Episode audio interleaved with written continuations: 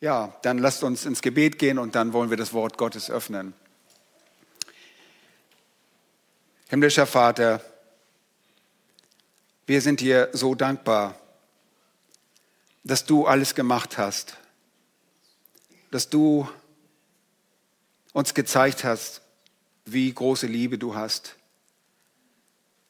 Du hast uns in der Tat zuerst geliebt und die Erkenntnis deiner Liebe lässt uns nur logischerweise dich zurücklieben. Aber du siehst dennoch die Impulse und den Terror unseres eigenen Fleisches, das uns oft dazu bewegt, dir nicht gehorsam zu sein.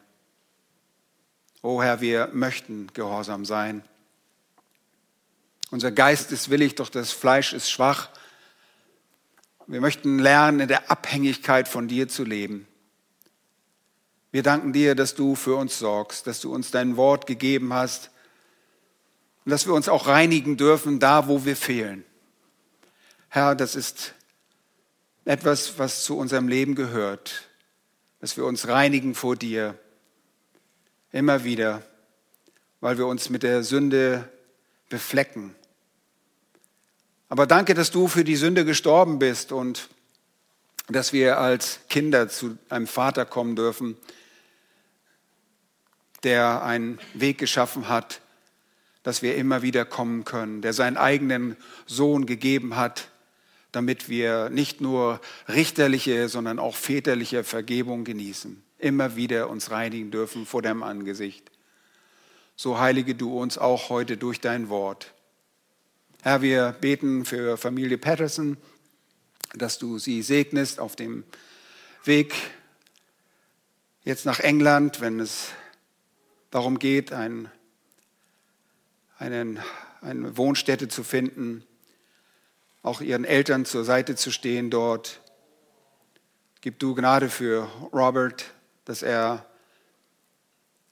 am Arbeitsplatz ein Segen sein kann, dass er sich dort gut einarbeiten kann und dass die Familie bewahrt wird, auch auf ihrer Reise morgen. Herr, wir beten für Familie Resner. Oh, wir bitten dich von ganzem Herzen, schenk du, dass sie wieder unter uns sein können. Herr, du, du ehrst dich nie. Wir bitten dich, dass du ihnen besonders begegnest in dieser Zeit und sie ermutigst und stärkst, dass sie Freude haben in dir, trotz aller körperlichen Ermattung. Wir bitten auch für alle übrigen Kranken, dass du sie aufrichtest, besonders im Inneren, dass sie recht denken über das, was du in ihr Leben bringst. Und so danken wir dir, dass wir jetzt dein Wort öffnen dürfen, dass du sprichst, der lebendige Gott, dass du ermutigst und korrigierst, was in unserem Leben nicht recht ist, sodass wir in einem Weg wandeln, der dir wohlgefällig ist. Segne unseren Gottesdienst um deines Namens willen. Amen. Ja, heute machen wir wieder ein, eine Rückbesinnung auf den Thessalonicher Brief, genauer gesagt auf den zweiten Thessalonicher Brief.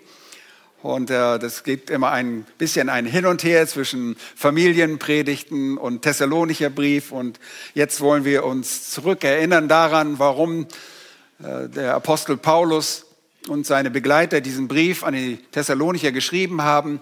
Es war ein Brief der Ermutigung und Korrektur für eine vorbildliche Gemeinde, die in einem unsagbaren Leid steckte. Sie waren voller Bedrängnisse, und sie wurden von Juden und Heiden verfolgt. Wir kommen zu dem Text in 2. Thessalonicher Kapitel 1, die Verse 11 und 12. Und es wäre sehr ratsam, dass ihr eure Bibeln aufgeschlagen habt, um diesen Text zu verfolgen und genauestens zu beobachten. Und ich lese diesen Vers, diese beiden Verse aus dem ersten Kapitel des zweiten Thessalonicher Briefes. Da heißt es, deshalb beten wir auch alle Zeit für euch, dass unser Gott euch der Berufung würdig mache und alles Wohlgefallen der Güte und das Werk des Glaubens in Kraft zur Vollendung oder Erfüllung bringe, damit der Name unseres Herrn Jesus Christus in euch verherrlicht werde und ihr in ihm, gemäß der Gnade unseres Gottes und des Herrn Jesus Christus. Ja, dieses kurze Gebet zeigt uns, wie geistlich reife folgerichtig beten. Geistlich Reife, das sind die Männer, die Gott gebraucht hat bei der Gründung des, äh, der Gemeinde dort in Mazedonien, in Thessalonich. Gereifte, die folgerichtig beten. Und wir fragen, was ist hier vorausgegangen? Und das wollen wir uns genau in dieser Predigt anschauen damit wir von diesem Gebet lernen, selbst richtig zu beten, aber auch zu erfahren, was noch zu Ende gebracht werden muss in unserem eigenen Leben. Inmitten der örtlichen Verfolgung der Gemeinde von Thessalonich sorgten diese Gründermissionare bei den Gläubigen immer wieder für die nötige Ermutigung und Korrektur. Das ist der Grund, warum der zweite Brief geschrieben wurde.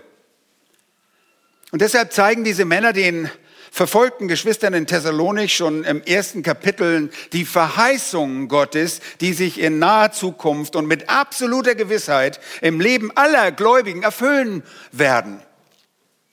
Und zwar die Verse fünf bis zehn, also der Text, der diesem Gebet vorausging. Und sie berichten dabei zuerst von der Offenbarung des Herrn Jesus bei der gerechten Vergeltung, bei der gerechte Vergeltung sowohl für Gottes Verfolger als auch die dem Evangelium ungehorsam kommen wird. Gerechte Vergeltung. Und dabei erinnern diese Männer, die Empfänger gleichzeitig auch an die Verherrlichung des Herrn, die beim Kommen des Herrn durch alle Heiligen geschehen wird. Sie schreiben in Vers 9, diese, Vers 9, das sind solche, die dem Evangelium nicht gehorsam sind, welche Strafe werden Strafe erleiden, ewiges Verderben vom Angesicht des Herrn und von der Herrlichkeit seiner Kraft. Das ist das gerechte Gericht für diese Menschen. Vers 10, an jenem Tag, wenn er kommen wird, um verherrlicht zu werden in seinen Heiligen, um bewundert in denen, die glauben. Denn unser Zeugnis hat bei euch Glauben gefunden. Und das ist die gerechte Ehrung und Lohn für die Heiligen, wenn wir zusammen mit unserem Herrn verherrlicht werden.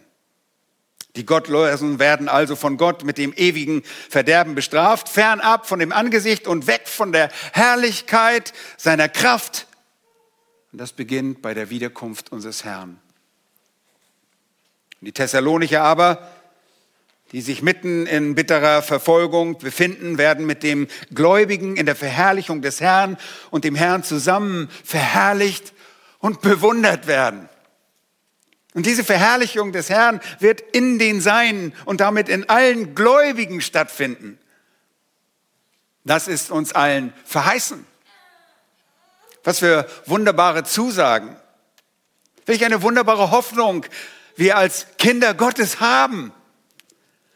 Die Offenbarung des Herrn in der Zukunft bringt einerseits also das gerechte Gericht für die Gottlosen, aber für uns, die wir aus und im Glauben leben, wird es Herrlichkeit bringen. Wir werden zusammen mit den Heiligen in Christus verherrlicht werden. Die Heiligen in Christus, die zum Zeitalter der Gemeinde gehören. Die Toten in Christus werden uns nicht vorausgehen in diesem Fall. Wir werden alle zusammen, sogar mit Christus, verherrlicht werden. Und nun, genau deshalb, und das ist der Anlass, und folgerichtig sehen wir in Vers 11, dass die Missionare für die Thessalonicher beten. Und die Missionare geben sich einfach nicht mit der Gewissheit der kommenden Verherrlichung Die geben sich nicht zufrieden und bleiben irgendwie untätig.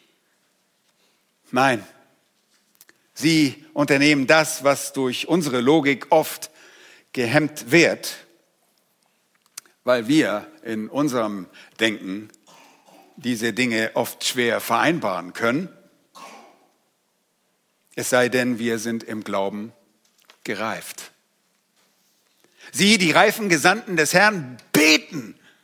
Und sie beten für die Verwirklichung dieser sicher kommenden Dinge. Sie beten nicht etwa für das baldige Ende der Verfolgung. Herr, mach doch da jetzt endlich mal einen Schluss. Du hast doch sie lange genug gequält. Nein, nein, nein, nein, nein. Sie beten nicht dafür, dass Gott der Bedrängnis Einhalt gebieten möge. In Vers 11 haben wir einen weiteren Anlass für ihre Gebete. Da heißt es, deshalb beten wir auch alle Zeit für euch, dass unser Gott euch der Berufung würdig mache. Nun, richtig übersetzt könnte man auch sagen, in diesem Sinne beten wir auch immer für euch. Nämlich das, was gerade vorausgesagt worden ist, das beflügelt sie und motiviert sie auf einmal zu beten. In diesem Sinne, konsequenterweise, folgerichtig, beten sie in Hinsicht auf das bereits Gesagte. Nun, unser Verstand, er ringt dabei oft mit diesem Problem, für etwas zu beten, das im unabänderlichen Plan Gottes ohnehin schon festgelegt ist. Warum soll ich dann dafür beten, wenn es doch ohnehin schon eintrifft? So ist es nicht bei diesen reifen Brüdern. Während wir fragen, warum, nochmals, warum sollte ich beten, wenn es doch Gott ohnehin tut? Er hat es doch versprochen. Was ist der Punkt, dass ich jetzt noch bete? Oh, ihr werdet überrascht sein, wie voll die Bibel davon ist, von solchen Gebeten, von Dingen, die ganz gewiss sind. Denken wir nur an die Offenbarung. Herr, komme bald und dein Lohn mit dir. Wissen wir, dass der Herr kommt? Ja, er kommt. Kommt sein Lohn mit ihm? Ja, das wissen wir. Und trotzdem wird dafür gebetet. Gut belehrte und gereifte Christen erkennen aus diesem Text heraus eine indirekte Aufforderung, es diesen Männern gleich zu tun. Diese ständige mit Gott reden, ihr seht, in dem Text heißt es alle Zeit, dieses ständige, ihn für die Gemeinde zu bitten, das haben wir schon im ersten Brief beobachtet. Und da sehen wir in Kapitel, Kapitel 5, Vers 23 des ersten Briefes lesen wir zum Beispiel, dass Paulus, Silas und Timotheus für etwas beten, das absolut sicher eintreffen wird. Nämlich Kapitel 5, 23, da heißt es, er selbst aber, der Gott des Friedens, heilige euch durch und durch und euer ganzes Wesen, der Geist, die Seele und der Leib möge untadelig bewahrt werden bei der Wiederkunft unseres Herrn Jesus Christus. Besteht eine Frage darüber, dass wir nicht so sein werden, wenn der Herr Jesus Christus kommt? Sie beten in diesem für die vollständige, sie beten für die vollständige Heiligung und Bewahrung der Thessalonicher. Und zwar für den Tag der Ankunft und das, obwohl Gott selbst dafür Sorge tragen wird. Die Heiligung und Bewahrung der Gläubigen ist so sicher, dass Judas, der Halbbruder unseres Herrn Jesus Christus, in seiner Epistel in einem Lobpreis ausbricht. Und er schreibt, dem aber, der mächtig genug ist, euch ohne Straucheln zu bewahren und euch unsträflich mit Freuden vor das Angesicht seiner Herrlichkeit zu stellen. Und dann kommt dieses Lobpreis, dem allein weisen Gott, unserem Retter gebührt Herrlichkeit und Majestät und Macht und Herrschaft jetzt und in alle Ewigkeit. Amen. Das ist Judas 24, 25. Nun, wir stellen beim Lesen der Schrift immer wieder fest, dass es Gott wohlgefällt, wenn der Gläubige an Gottes beständigen Wirken an uns selbst mitarbeitet. Und so heißt es bei Paulus im Brief an die Philipper in einer sehr bekannten Stelle, darum schreibt er, meine Geliebten, wie ihr alle Zeit gehorsam gewesen seid, nicht allein in meiner Gegenwart, sondern jetzt noch viel mehr in meiner Abwesenheit. Paulus war gerade im Gefängnis. Verwirklicht eure Rettung mit Furcht und Zittern. Denn Gott ist es, der in euch sowohl das Wollen als auch das Vollbringen wirkt nach seinem Wohlgefallen. Solche Aussagen scheinen uns vielleicht zunächst widersprüchlich zu sein. Aber wenn diese Dinge geistlich richtig verstanden werden, dann bewahrt uns das richtige Verständnis vor einer ganz gefährlichen Lethargie, einer, einer Gleichgültigkeit, einer geistlichen Gleichgültigkeit. Ah ja, Gott macht das schon. Gott wird das schon alles machen. Lieben, deshalb fordere ich dich heute Nachmittag auf, von dem Gebet dieser geistlich gereiften Vorbilder zu lernen und es ihnen gleich zu tun. Der erste Punkt ist, gereifte beten für die Erfüllung des Verheißenen in Vers 11. Nun, das Verheißene ist nicht die Person, sondern das, was gerade verheißen wurde in den Versen 5 bis 10. Da heißt es in Vers 11 nochmals, deshalb beten wir, so übersetzt die Schlachter das, oder in Hinsicht auf diese Sachen beten wir auch alle Zeit für euch, und jetzt kommen drei Dinge, dass unser Gott euch der Berufung würdig mache und alles Wohlgefallen der Güte vollbringe oder erfülle und das Werk des Glaubens in Kraft zur Erfüllung bringe. Dieses Gebet der Männer am Ende von Kapitel 1 war ein beharrliches Gebet. Es war nicht ein einmaliges Gebet. Und wenn ein Gebet beharrlich ist, dann sind das mehrere Gebete, oder? Beharrlich zu beten heißt immer wieder zu beten, immer wieder dafür zu beten. Als wäre Gott taub oder könnte nicht hören.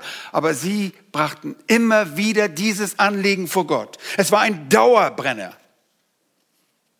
Und diese Gebete zielten erstens A darauf ab, dass Gott die Gläubigen der Berufung würdig mache.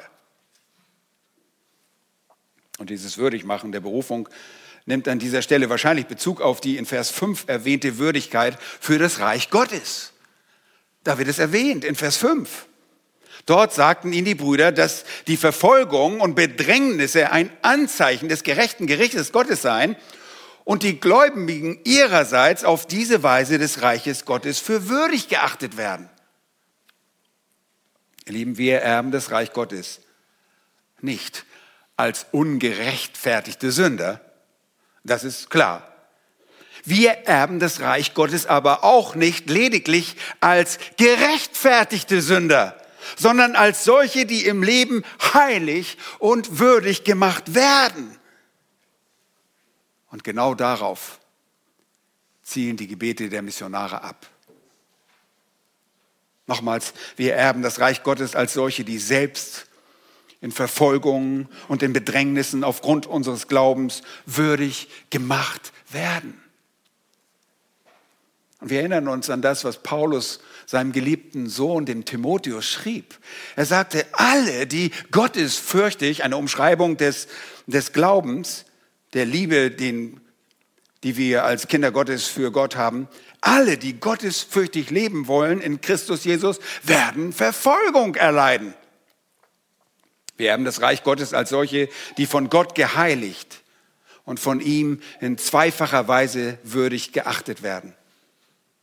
Erstens sind wir würdig geachtet, weil wir in Christus sind und in ihm würdig sind. Unsere Würdigkeit ist in Christus, das Verbundensein in Christus. Als Gläubige sind wir in Christus, wir sind mit ihm vereint. Und darüber haben wir aus dich gesprochen. Zweitens, weil wir im Leid auf Gott vertrauen und so mittels der Heiligung würdig gemacht werden. Mit ihrem Gebet drücken die Männer nicht eine bestehende Ungewissheit aus in Hinsicht auf die Würde der Thessalonicher oder dass es etwa über ihre endgültige Annahme irgendwie Zweifel bestände, bestünde. Nein. Das wäre eine Schwächung. Das wäre eine Schwächung dieser leidenden Gemeinde und theologisch gesehen vollkommen verkehrt. zu sagen, es bestehen Zweifel, ob ihr überhaupt würdig werdet. Wenn sie würdig gemacht werden müssen, dann vielleicht reicht das nicht ganz mit der Würde. Nein, das ist nicht der Punkt. Ungewissheit würde zum einen die Zuversicht dieser von Leid geschwächten Geschwister untergraben und Ungewissheit würde zum anderen eine fehlerhafte Theologie vermitteln. Und das ist natürlich undenkbar. Nicht von Paulus und Konsorten. Wir erinnern uns, diese Männer wollen in diesem Brief korrigieren und sie wollen ermutigen. Sie wollen die Thessalonicher stärken. Und deshalb teilen sie auch dieses wunderbare Gebet mit. Ihr Lieben, jemanden zu stärken, das ist das Anliegen eines wahren Hirten. Immer das wahre Anliegen eines Hirten. Und obwohl das Würdigsein der Thessalonicher in Vers 5 bereits bestätigt wurde, sahen die Missionare selbst im Lichte der Gewissheiten weiterhin die Notwendigkeiten für das zur Berufung gehörende würdig werden zu beten. Versteht ihr das? Auf der einen Seite wird gesagt, ja, ihr seid des Reiches würdig und jetzt beten sie für diese Würdigkeit. Und bei all dem ruht die endgültige Rettung auf dem sicheren Fundament der Treue Gottes. Das hatte, äh, hatten diese Brüder bereits im ersten Brief sehr deutlich ausgedrückt. Wenn ihr dort 1. Thessalonicher Kapitel 5, Vers 24 lest, dann lest ihr genau das. Treu ist er, der euch beruft. Er wird es auch tun. Das macht Gott. Wenn du ein Kind Gottes bist, dann kommst du geheiligt, bei Gott an. Dafür wird Gott sorgen. Und trotzdem beten sie dafür.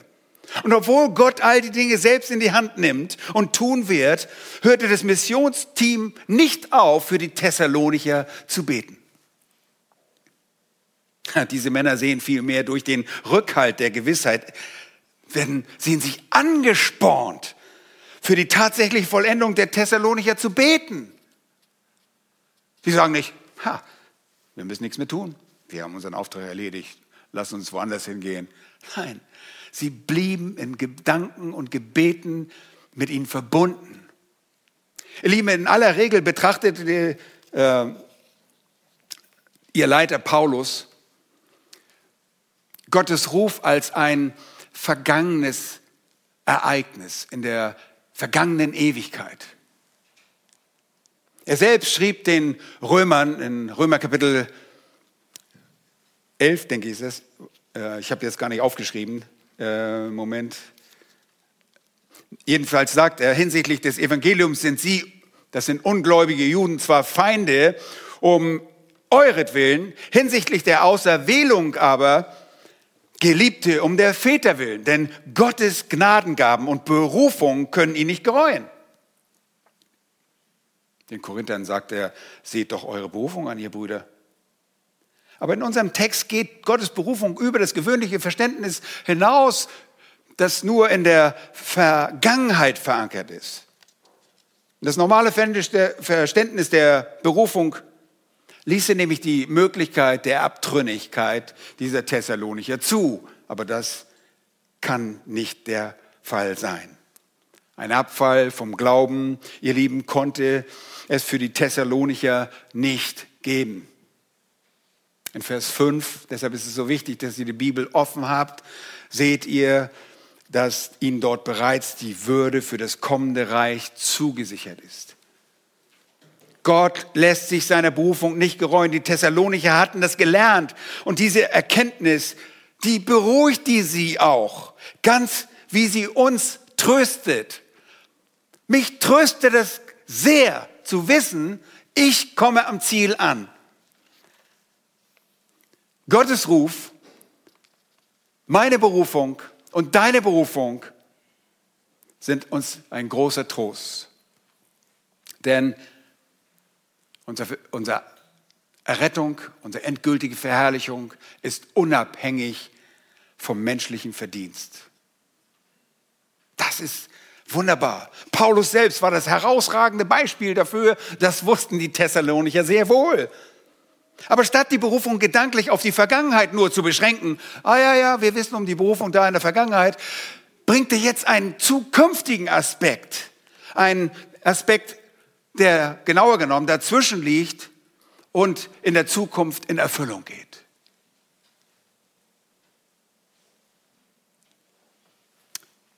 Nun, hier ist ein erweitertes Verständnis der Berufung im Augenschein genommen worden. Diese Männer sehen nämlich jetzt auf die zukünftige Auswirkung der Berufung bei Gottes gerechten Gericht.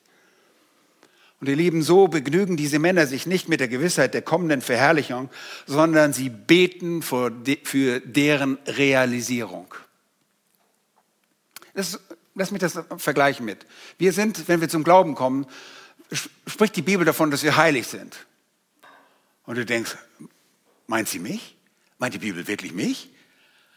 Ja, wir sind Heilige. Die Korinther werden angesprochen, ihr seid Heilige. Sind wir wirklich so heilig? Oh nein, wir sind noch nicht so heilig. Und deshalb beten wir auch für die Heiligung. Wir beten, dass wir geheiligt werden, dass wir das werden, was wir schon sind, nämlich Heilige. Und so ist es auch mit der Würde für das Reich Gottes. Zweitens, beteten diese reifen Männer dafür, dass Gott das Verlangen nach Güte vollenden möge. Oh, ich musste darüber nachdenken und äh, erstmal schauen. Äh, wirklich, ich konnte erstmal gar nicht mit dem Gebet so richtig anfangen.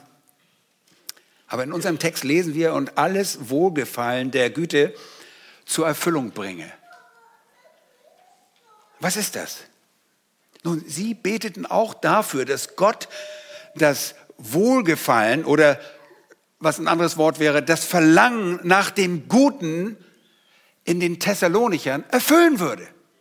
Die Thessalonicher, so wie jeder Christ, hat das Verlangen nach dem Guten. Das spricht er, sprechen sie hier an. Und dafür beten sie, dass dieses Wohlgefallen, dieses Verlangen, so kann man das übersetzen, zur Vollendung gebracht wird erfüllt wird. Plerao, das ist erfüllt oder ergänzt oder äh, äh, zur Vollständigkeit gebracht wird. Nun, lass uns das einmal anschauen, wenn wir Davids Psalm 21 aufschlagen. Psalm 21. Da sehen wir eine wunderbare Illustration dieses Verses. Im Psalm 21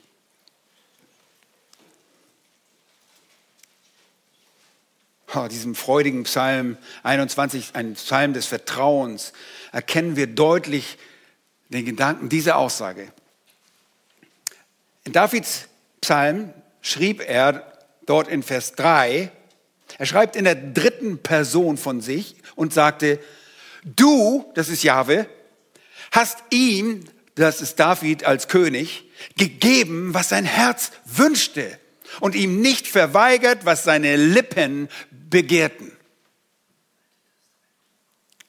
Nun, wie David begehrten die Thessalonicher und wir als Christen das Gute. Wir begehren das Gute. Sie hatten ganz wie wir Wohlgefallen an dem Guten. David hatte Wohlgefallen an dem Guten und Gott erfüllte ihn diesen Herzenswunsch. Und dafür beten jetzt die Missionare, dass es in den Thessalonichern zur Erfüllung kommen möge.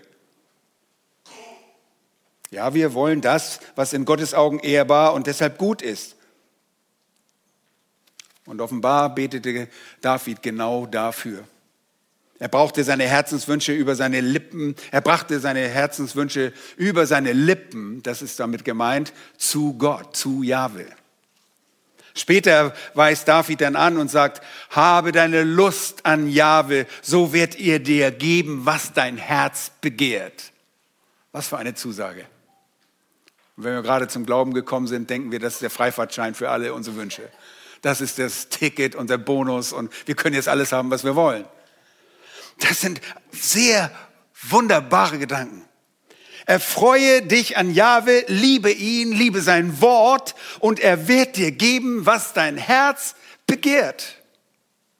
Gott wird all das erfüllen. All deine Wünsche werden vollendet, wenn sich dein Wollen, dein Wünschen mit seinem Willen decken. Das ist der Punkt. Wenn du so Freude hast an Gottes Willen, an seinem Wort, dann wirst du nicht sagen, oh Herr, ich muss unbedingt das noch haben, ich, ich will noch dies haben und ich, will noch, ich muss irgendwas um mich herum sammeln, damit ich sicher bin. Und oh nein, das, das wird alles abfallen, das wird alles unnötig sein für dich. Du wirst, deine Wünsche werden sich auf einmal drastisch ändern. Und genau da setzen diese Männer an. Aber Jahwe wird dein Verlangen nach dem Guten vollenden. Er wird dieses Verlangen sättigen. Er wird es erfüllen. Dafür beten diese Männer beständig. In ihrer Sorge um diese Männer. Das erste also, dass sie würdig seien ihrer Berufung. Und das zweite, dass das Verlangen nach dem Guten erfüllt werden würde. Und drittens beten diese Männer C, dass Gott das Werk des Glaubens in Kraft vollenden möge. Dass Gott auch unser Werk, das ist unser Gebet des Glaubens in Kraft vollendet oder erfüllt. Ihr Lieben, das ist wirklich mein Gebet für euch und für mich selbst auch. Das ist so wunderbar. Das Werk des Glaubens ist das, was uns zu Beginn im ersten Thessalonicher Brief offenbart hatte, dass die Empfänger tatsächlich wahrhaftig Gläubige sind. Erinnert euch daran? Der wahre Glaube, der bringt immer als Frucht Werke hervor. Es gibt immer eine Veränderung in einem Leben der, eines Menschen, der zum Glauben kommt. Es sind Glaubenswerke, die aus dem Glauben entstehen. Es sind keine Gesetzeswerke. Ohne Gesetzeswerke können wir vergessen. Die kommen nirgends an. Keiner wird durch die Werke des Gesetzes gerecht. Es sind Glaubenswerke. Und diese Glaubenswerke sind ein Indiz dafür, dass Menschen wahrhaftig gerettet sind. Und tatsächlich danken die Missionare Gott in ihren Gebeten immer wieder, weil sie an das Werk des Glaubens, das sie bei den Thessalonichern gesehen hatten, gedenken.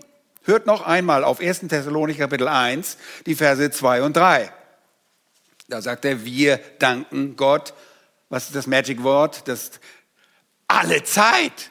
Wir danken alle Zeit für euch, wenn wir euch erwähnen in unseren Gebeten, indem wir unablässig gedenken. Sie dachten zurück an euer Werk im Glauben. Jetzt beten diese Männer, dass Gott dieses Werk in Kraft vollenden würde. Gott hatte einen Plan für diese Gemeinde, das war Paulus und seinen Begleitern sehr wohl bekannt. Und mit diesem Wissen wünschen sie sich nun die Erfüllung dieses Planens, dieses Planes und sie beten dafür. Sie wussten, dass das Glaubenswerk der Thessalonicher allein in der Kraft des Geistes erfüllt werden konnte. Woher wussten sie das? Weil jeder von uns weiß, dass in uns und aus uns selbst heraus besitzt kein Mensch irgendeine Kraft. Wir sind lahme Enten. Wir können nichts. Wir können nichts tun. Wir können nichts ohne den Herrn tun. Wir besitzen weder die Fähigkeit noch die Kraft, irgendetwas Gott Wohlgefälliges zu tun. Und jetzt beten sie, Herr, schenk du, dass dieses Werk des Glaubens zur Vollendung kommt, was immer du geplant hast für sie. Und so beten sie, dass Gott die Thessalonicher in ihren Werken des Glaubens durch Kraft, das ist durch den ihnen inwohnenden Heiligen Geist, dass er sie befehlen würde bis zur Vollendung, die Vollendung ihrer Werke. Und die Vollendung ist in einem solchen Fall immer das, was Gott für die Gläubigen einer Gemeinde bestimmt hat. Und das erinnert mich an Epheser Kapitel 2 so deutlich. Es ist die Summe der guten Werke. Und da heißt es in Epheser 2, Vers 10, die Werke, die Gott zuvor bereitet hat, damit wir in ihnen wandeln sollen. Seht ihr, Gott hat schon eine ganze Palette von, von guten Werken für uns vorbereitet. Und jetzt beten diese Männer, dass das zur Vollendung kommen würde in dieser Gemeinde. So wie wir das beten, dass es in unserer Gemeinde geschieht. Herr, bringe das zur Vollendung. Diese reifen Männer wussten genau, dass Gott einen bestimmten Plan mit den Seinen in Thessalonich verfolgte und deshalb folgte dieses reife und uneigennützige Gebet, ein Gebet, das die Ehre Gottes und das Wohl der Thessalonicher vor Augen hatte. Sie beteten nicht, Herr, beende diesen Terror der Bedrängnisse.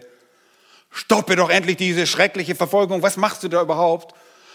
Diese Verfolgung durch Juden und Heiden damit die Thessalonicher in Ruhe ihren Geschäften nachgehen können und wir als Brüder auch mal wieder zu Besuch gehen können. Nein, das, das, war, das war nicht das Anliegen. Wir beobachten vielmehr, wie geistlich gereifte folgerichtig beten. Und wir tun gut daran, es ihnen gleich zu tun. Ihr Lieben, wir können und wir sollen es ihnen sogar gleich tun und auf diese Weise beten. Und das führt uns zum zweiten Punkt, dem Warum. Wir haben den Anlass gesehen, dem Anlass das Gebet und jetzt kommt das Warum. Zweitens, gereifte Beten, dass durch Gottes gnädige Antwort der Herr Jesus verherrlicht werde. Das ist der Zweck unserer Gebete. Es geht nicht darum, oh, es muss mir besser gehen. Oh, schenk doch, dass ich das habe und dies noch habe und dies brauche ich noch in meinem Leben und dies brauche ich noch, damit es mir besser geht. Es geht darum, zu beten, dass Gott verherrlicht wird. Dass der Herr Jesus Christus verherrlicht wird.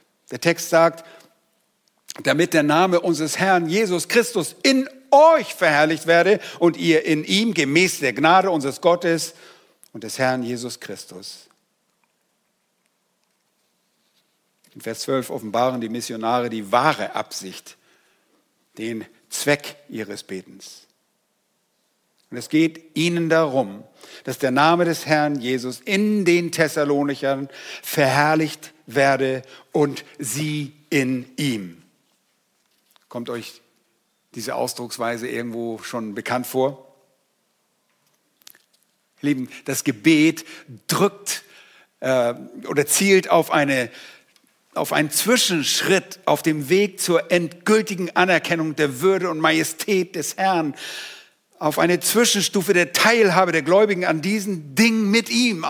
Darauf zielt das Gebet ab. Und der Name in dem Vers ist ein Hinweis auf die Würde, auf die Majestät und die Macht des Gott offenbarten Charakters unseres Herrn Jesus. Wir kennen das wenn wir sagen im Namen des Herrn Jesus Christus, dann schließt es sein ganzes Wesen ein, seinen ganzen Charakter. Und hier finden wir erneut einen Hinweis auf unsere Vereinigung mit dem Herrn. Dieses in euch und wir in ihm. Und da habe ich gelesen, es gibt Ausleger, die das in euch und das in ihm als wegen euch oder wegen ihm lesen. Hm. Das würde bedeuten, dass die Herrlichkeit zum Herrn kommt wegen der Gerechten und zu den Gerechten wegen des Herrn. Aber solch ein Verständnis ist eher ungewöhnlich. Es ist viel natürlicher, hier die gängige Bedeutung zu sehen. Und in der Grammatik spricht man hier von einem Lokativ. Tut mir leid, dass ich euch damit belästige. Das ist ein den Ort bestimmender Fall. Und die Majestät und Macht des Herrn Jesus Christus werden nämlich wo verherrlicht? In uns. In uns. Und wir werden wo verherrlicht? In ihm. Das ist ganz wichtig. Wir haben vor ein paar Wochen, ich kann das nicht alles wiederholen, aber wer das nicht gehört hat, hört euch das bitte an. Wir haben über das Vereintsein mit dem Herrn gesprochen. Und hier sprechen die Männer erneut von dem mit Christus vereint sein. Und dabei zeigen sie auf, dass diese Verbundenheit eine örtliche Gegenseitigkeit beinhaltet. Sie beruht auf der Verbindung des Herrn mit den Sein. Wir sind so sehr mit ihm vereint. Wir sollen jetzt so sein, dass Christus in uns und wir in ihm verherrlicht werden. Nochmals, wir haben meistens kein Problem damit, uns vorzustellen, dass Christus in uns ist. Er bewohnt uns durch seinen Geist. Der Vater und der Herr Sohn Jesus Christus wohnen, bewohnen uns durch seinen Geist. Der Geist Gottes ist in uns. Aber gleichzeitig sind wir auch in ihm. Wir sind nämlich überkleidet mit seiner Gerechtigkeit. Alles, was uns gerecht vor dem Vater erscheinen lässt, ist aufgrund der Tatsache, dass wir in ihm sind.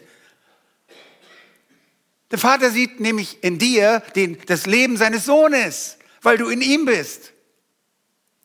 So eng sind wir miteinander verbunden.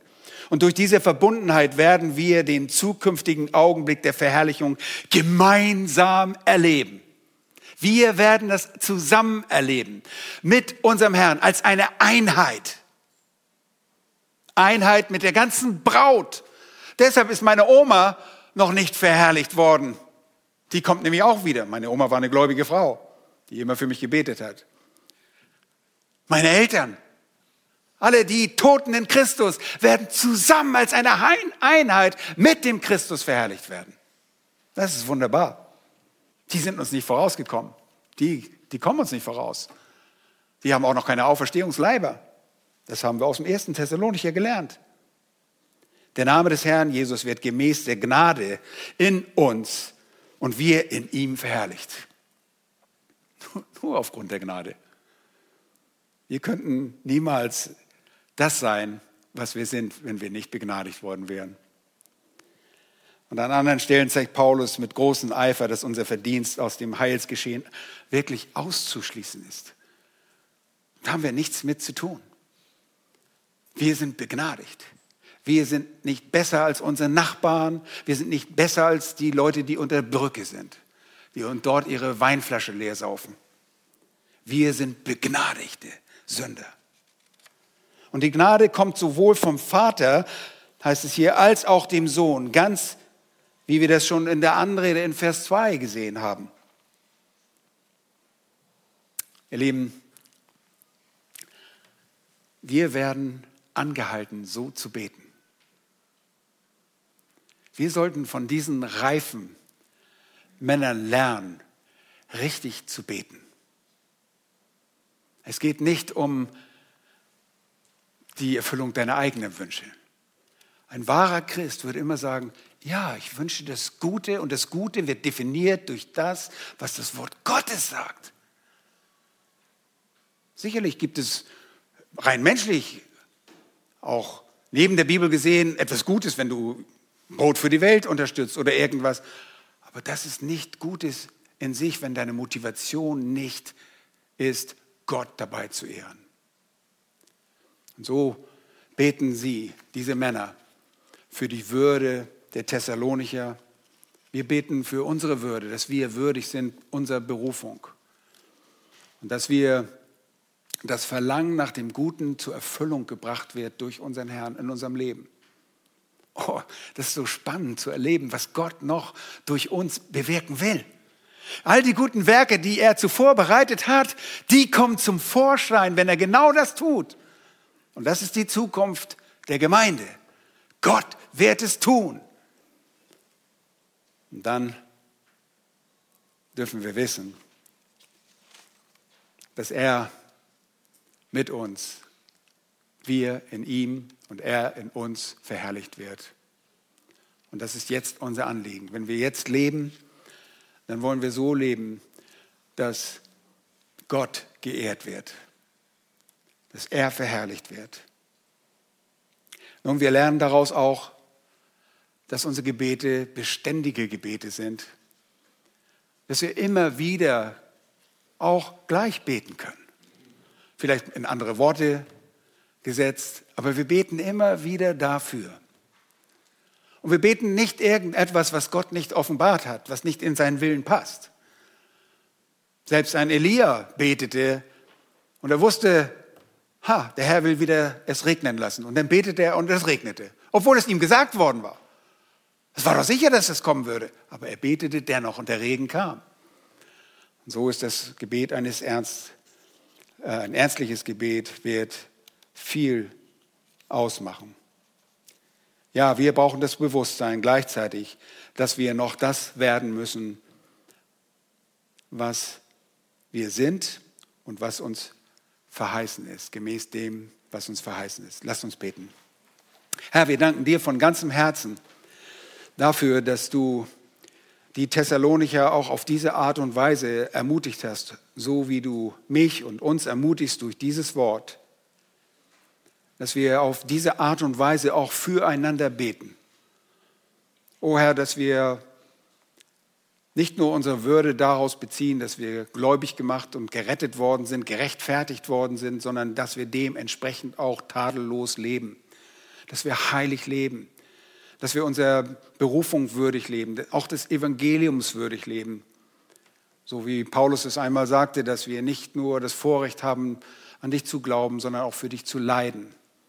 O Herr, hilf uns das zu erkennen, dass du nichts verkehrt machst in unserem Leben. Und so beten wir auch, dass wir, die wir dazu bestimmt sind, Gutes zu tun und auch das Verlangen nach dem Guten haben. Herr, wir kennen die Impulse des Bösen, wo wir uns nach dem scheinbar Guten ausstrecken und unser Fleisch uns sagt, was gut ist und was nicht gut ist. O Herr, hilf uns, das Fleisch zu bekämpfen mit der Kraft deines Geistes, in dem Glauben, dass das, was du gesagt hast, richtig ist. So wie wir das vorhin den Kindern sagten, dass Gehorsam immer richtig ist und Ungehorsam schädlich und Schaden für uns bringt. Oh, ich bitte, vollbringe du das Gute, vollende du das Gute durch uns. Und Herr, wir freuen uns darauf, dass du auch uns verherrlichen wirst in dir, weil wir so sehr mit dir verbunden sind und du in uns schon jetzt verherrlicht werden kannst. Herr, wenn wir uns darauf besinnen, darauf, dass wir in den Augen des Vaters absolut perfekt sind, weil wir deine Gerechtigkeit tra tragen, Herr Jesus Christus. Bringe doch das auch in unserem Leben zur Vollendung dass wir das jetzt schon tun, bevor dieser große Tag kommt. Bevor der Tag kommt, wo alle Welt sehen kann, dass wir zu dir gehören. Und wir in dir und du in uns verherrlicht wirst. Dir sei die Ehre in Jesu Namen. Amen.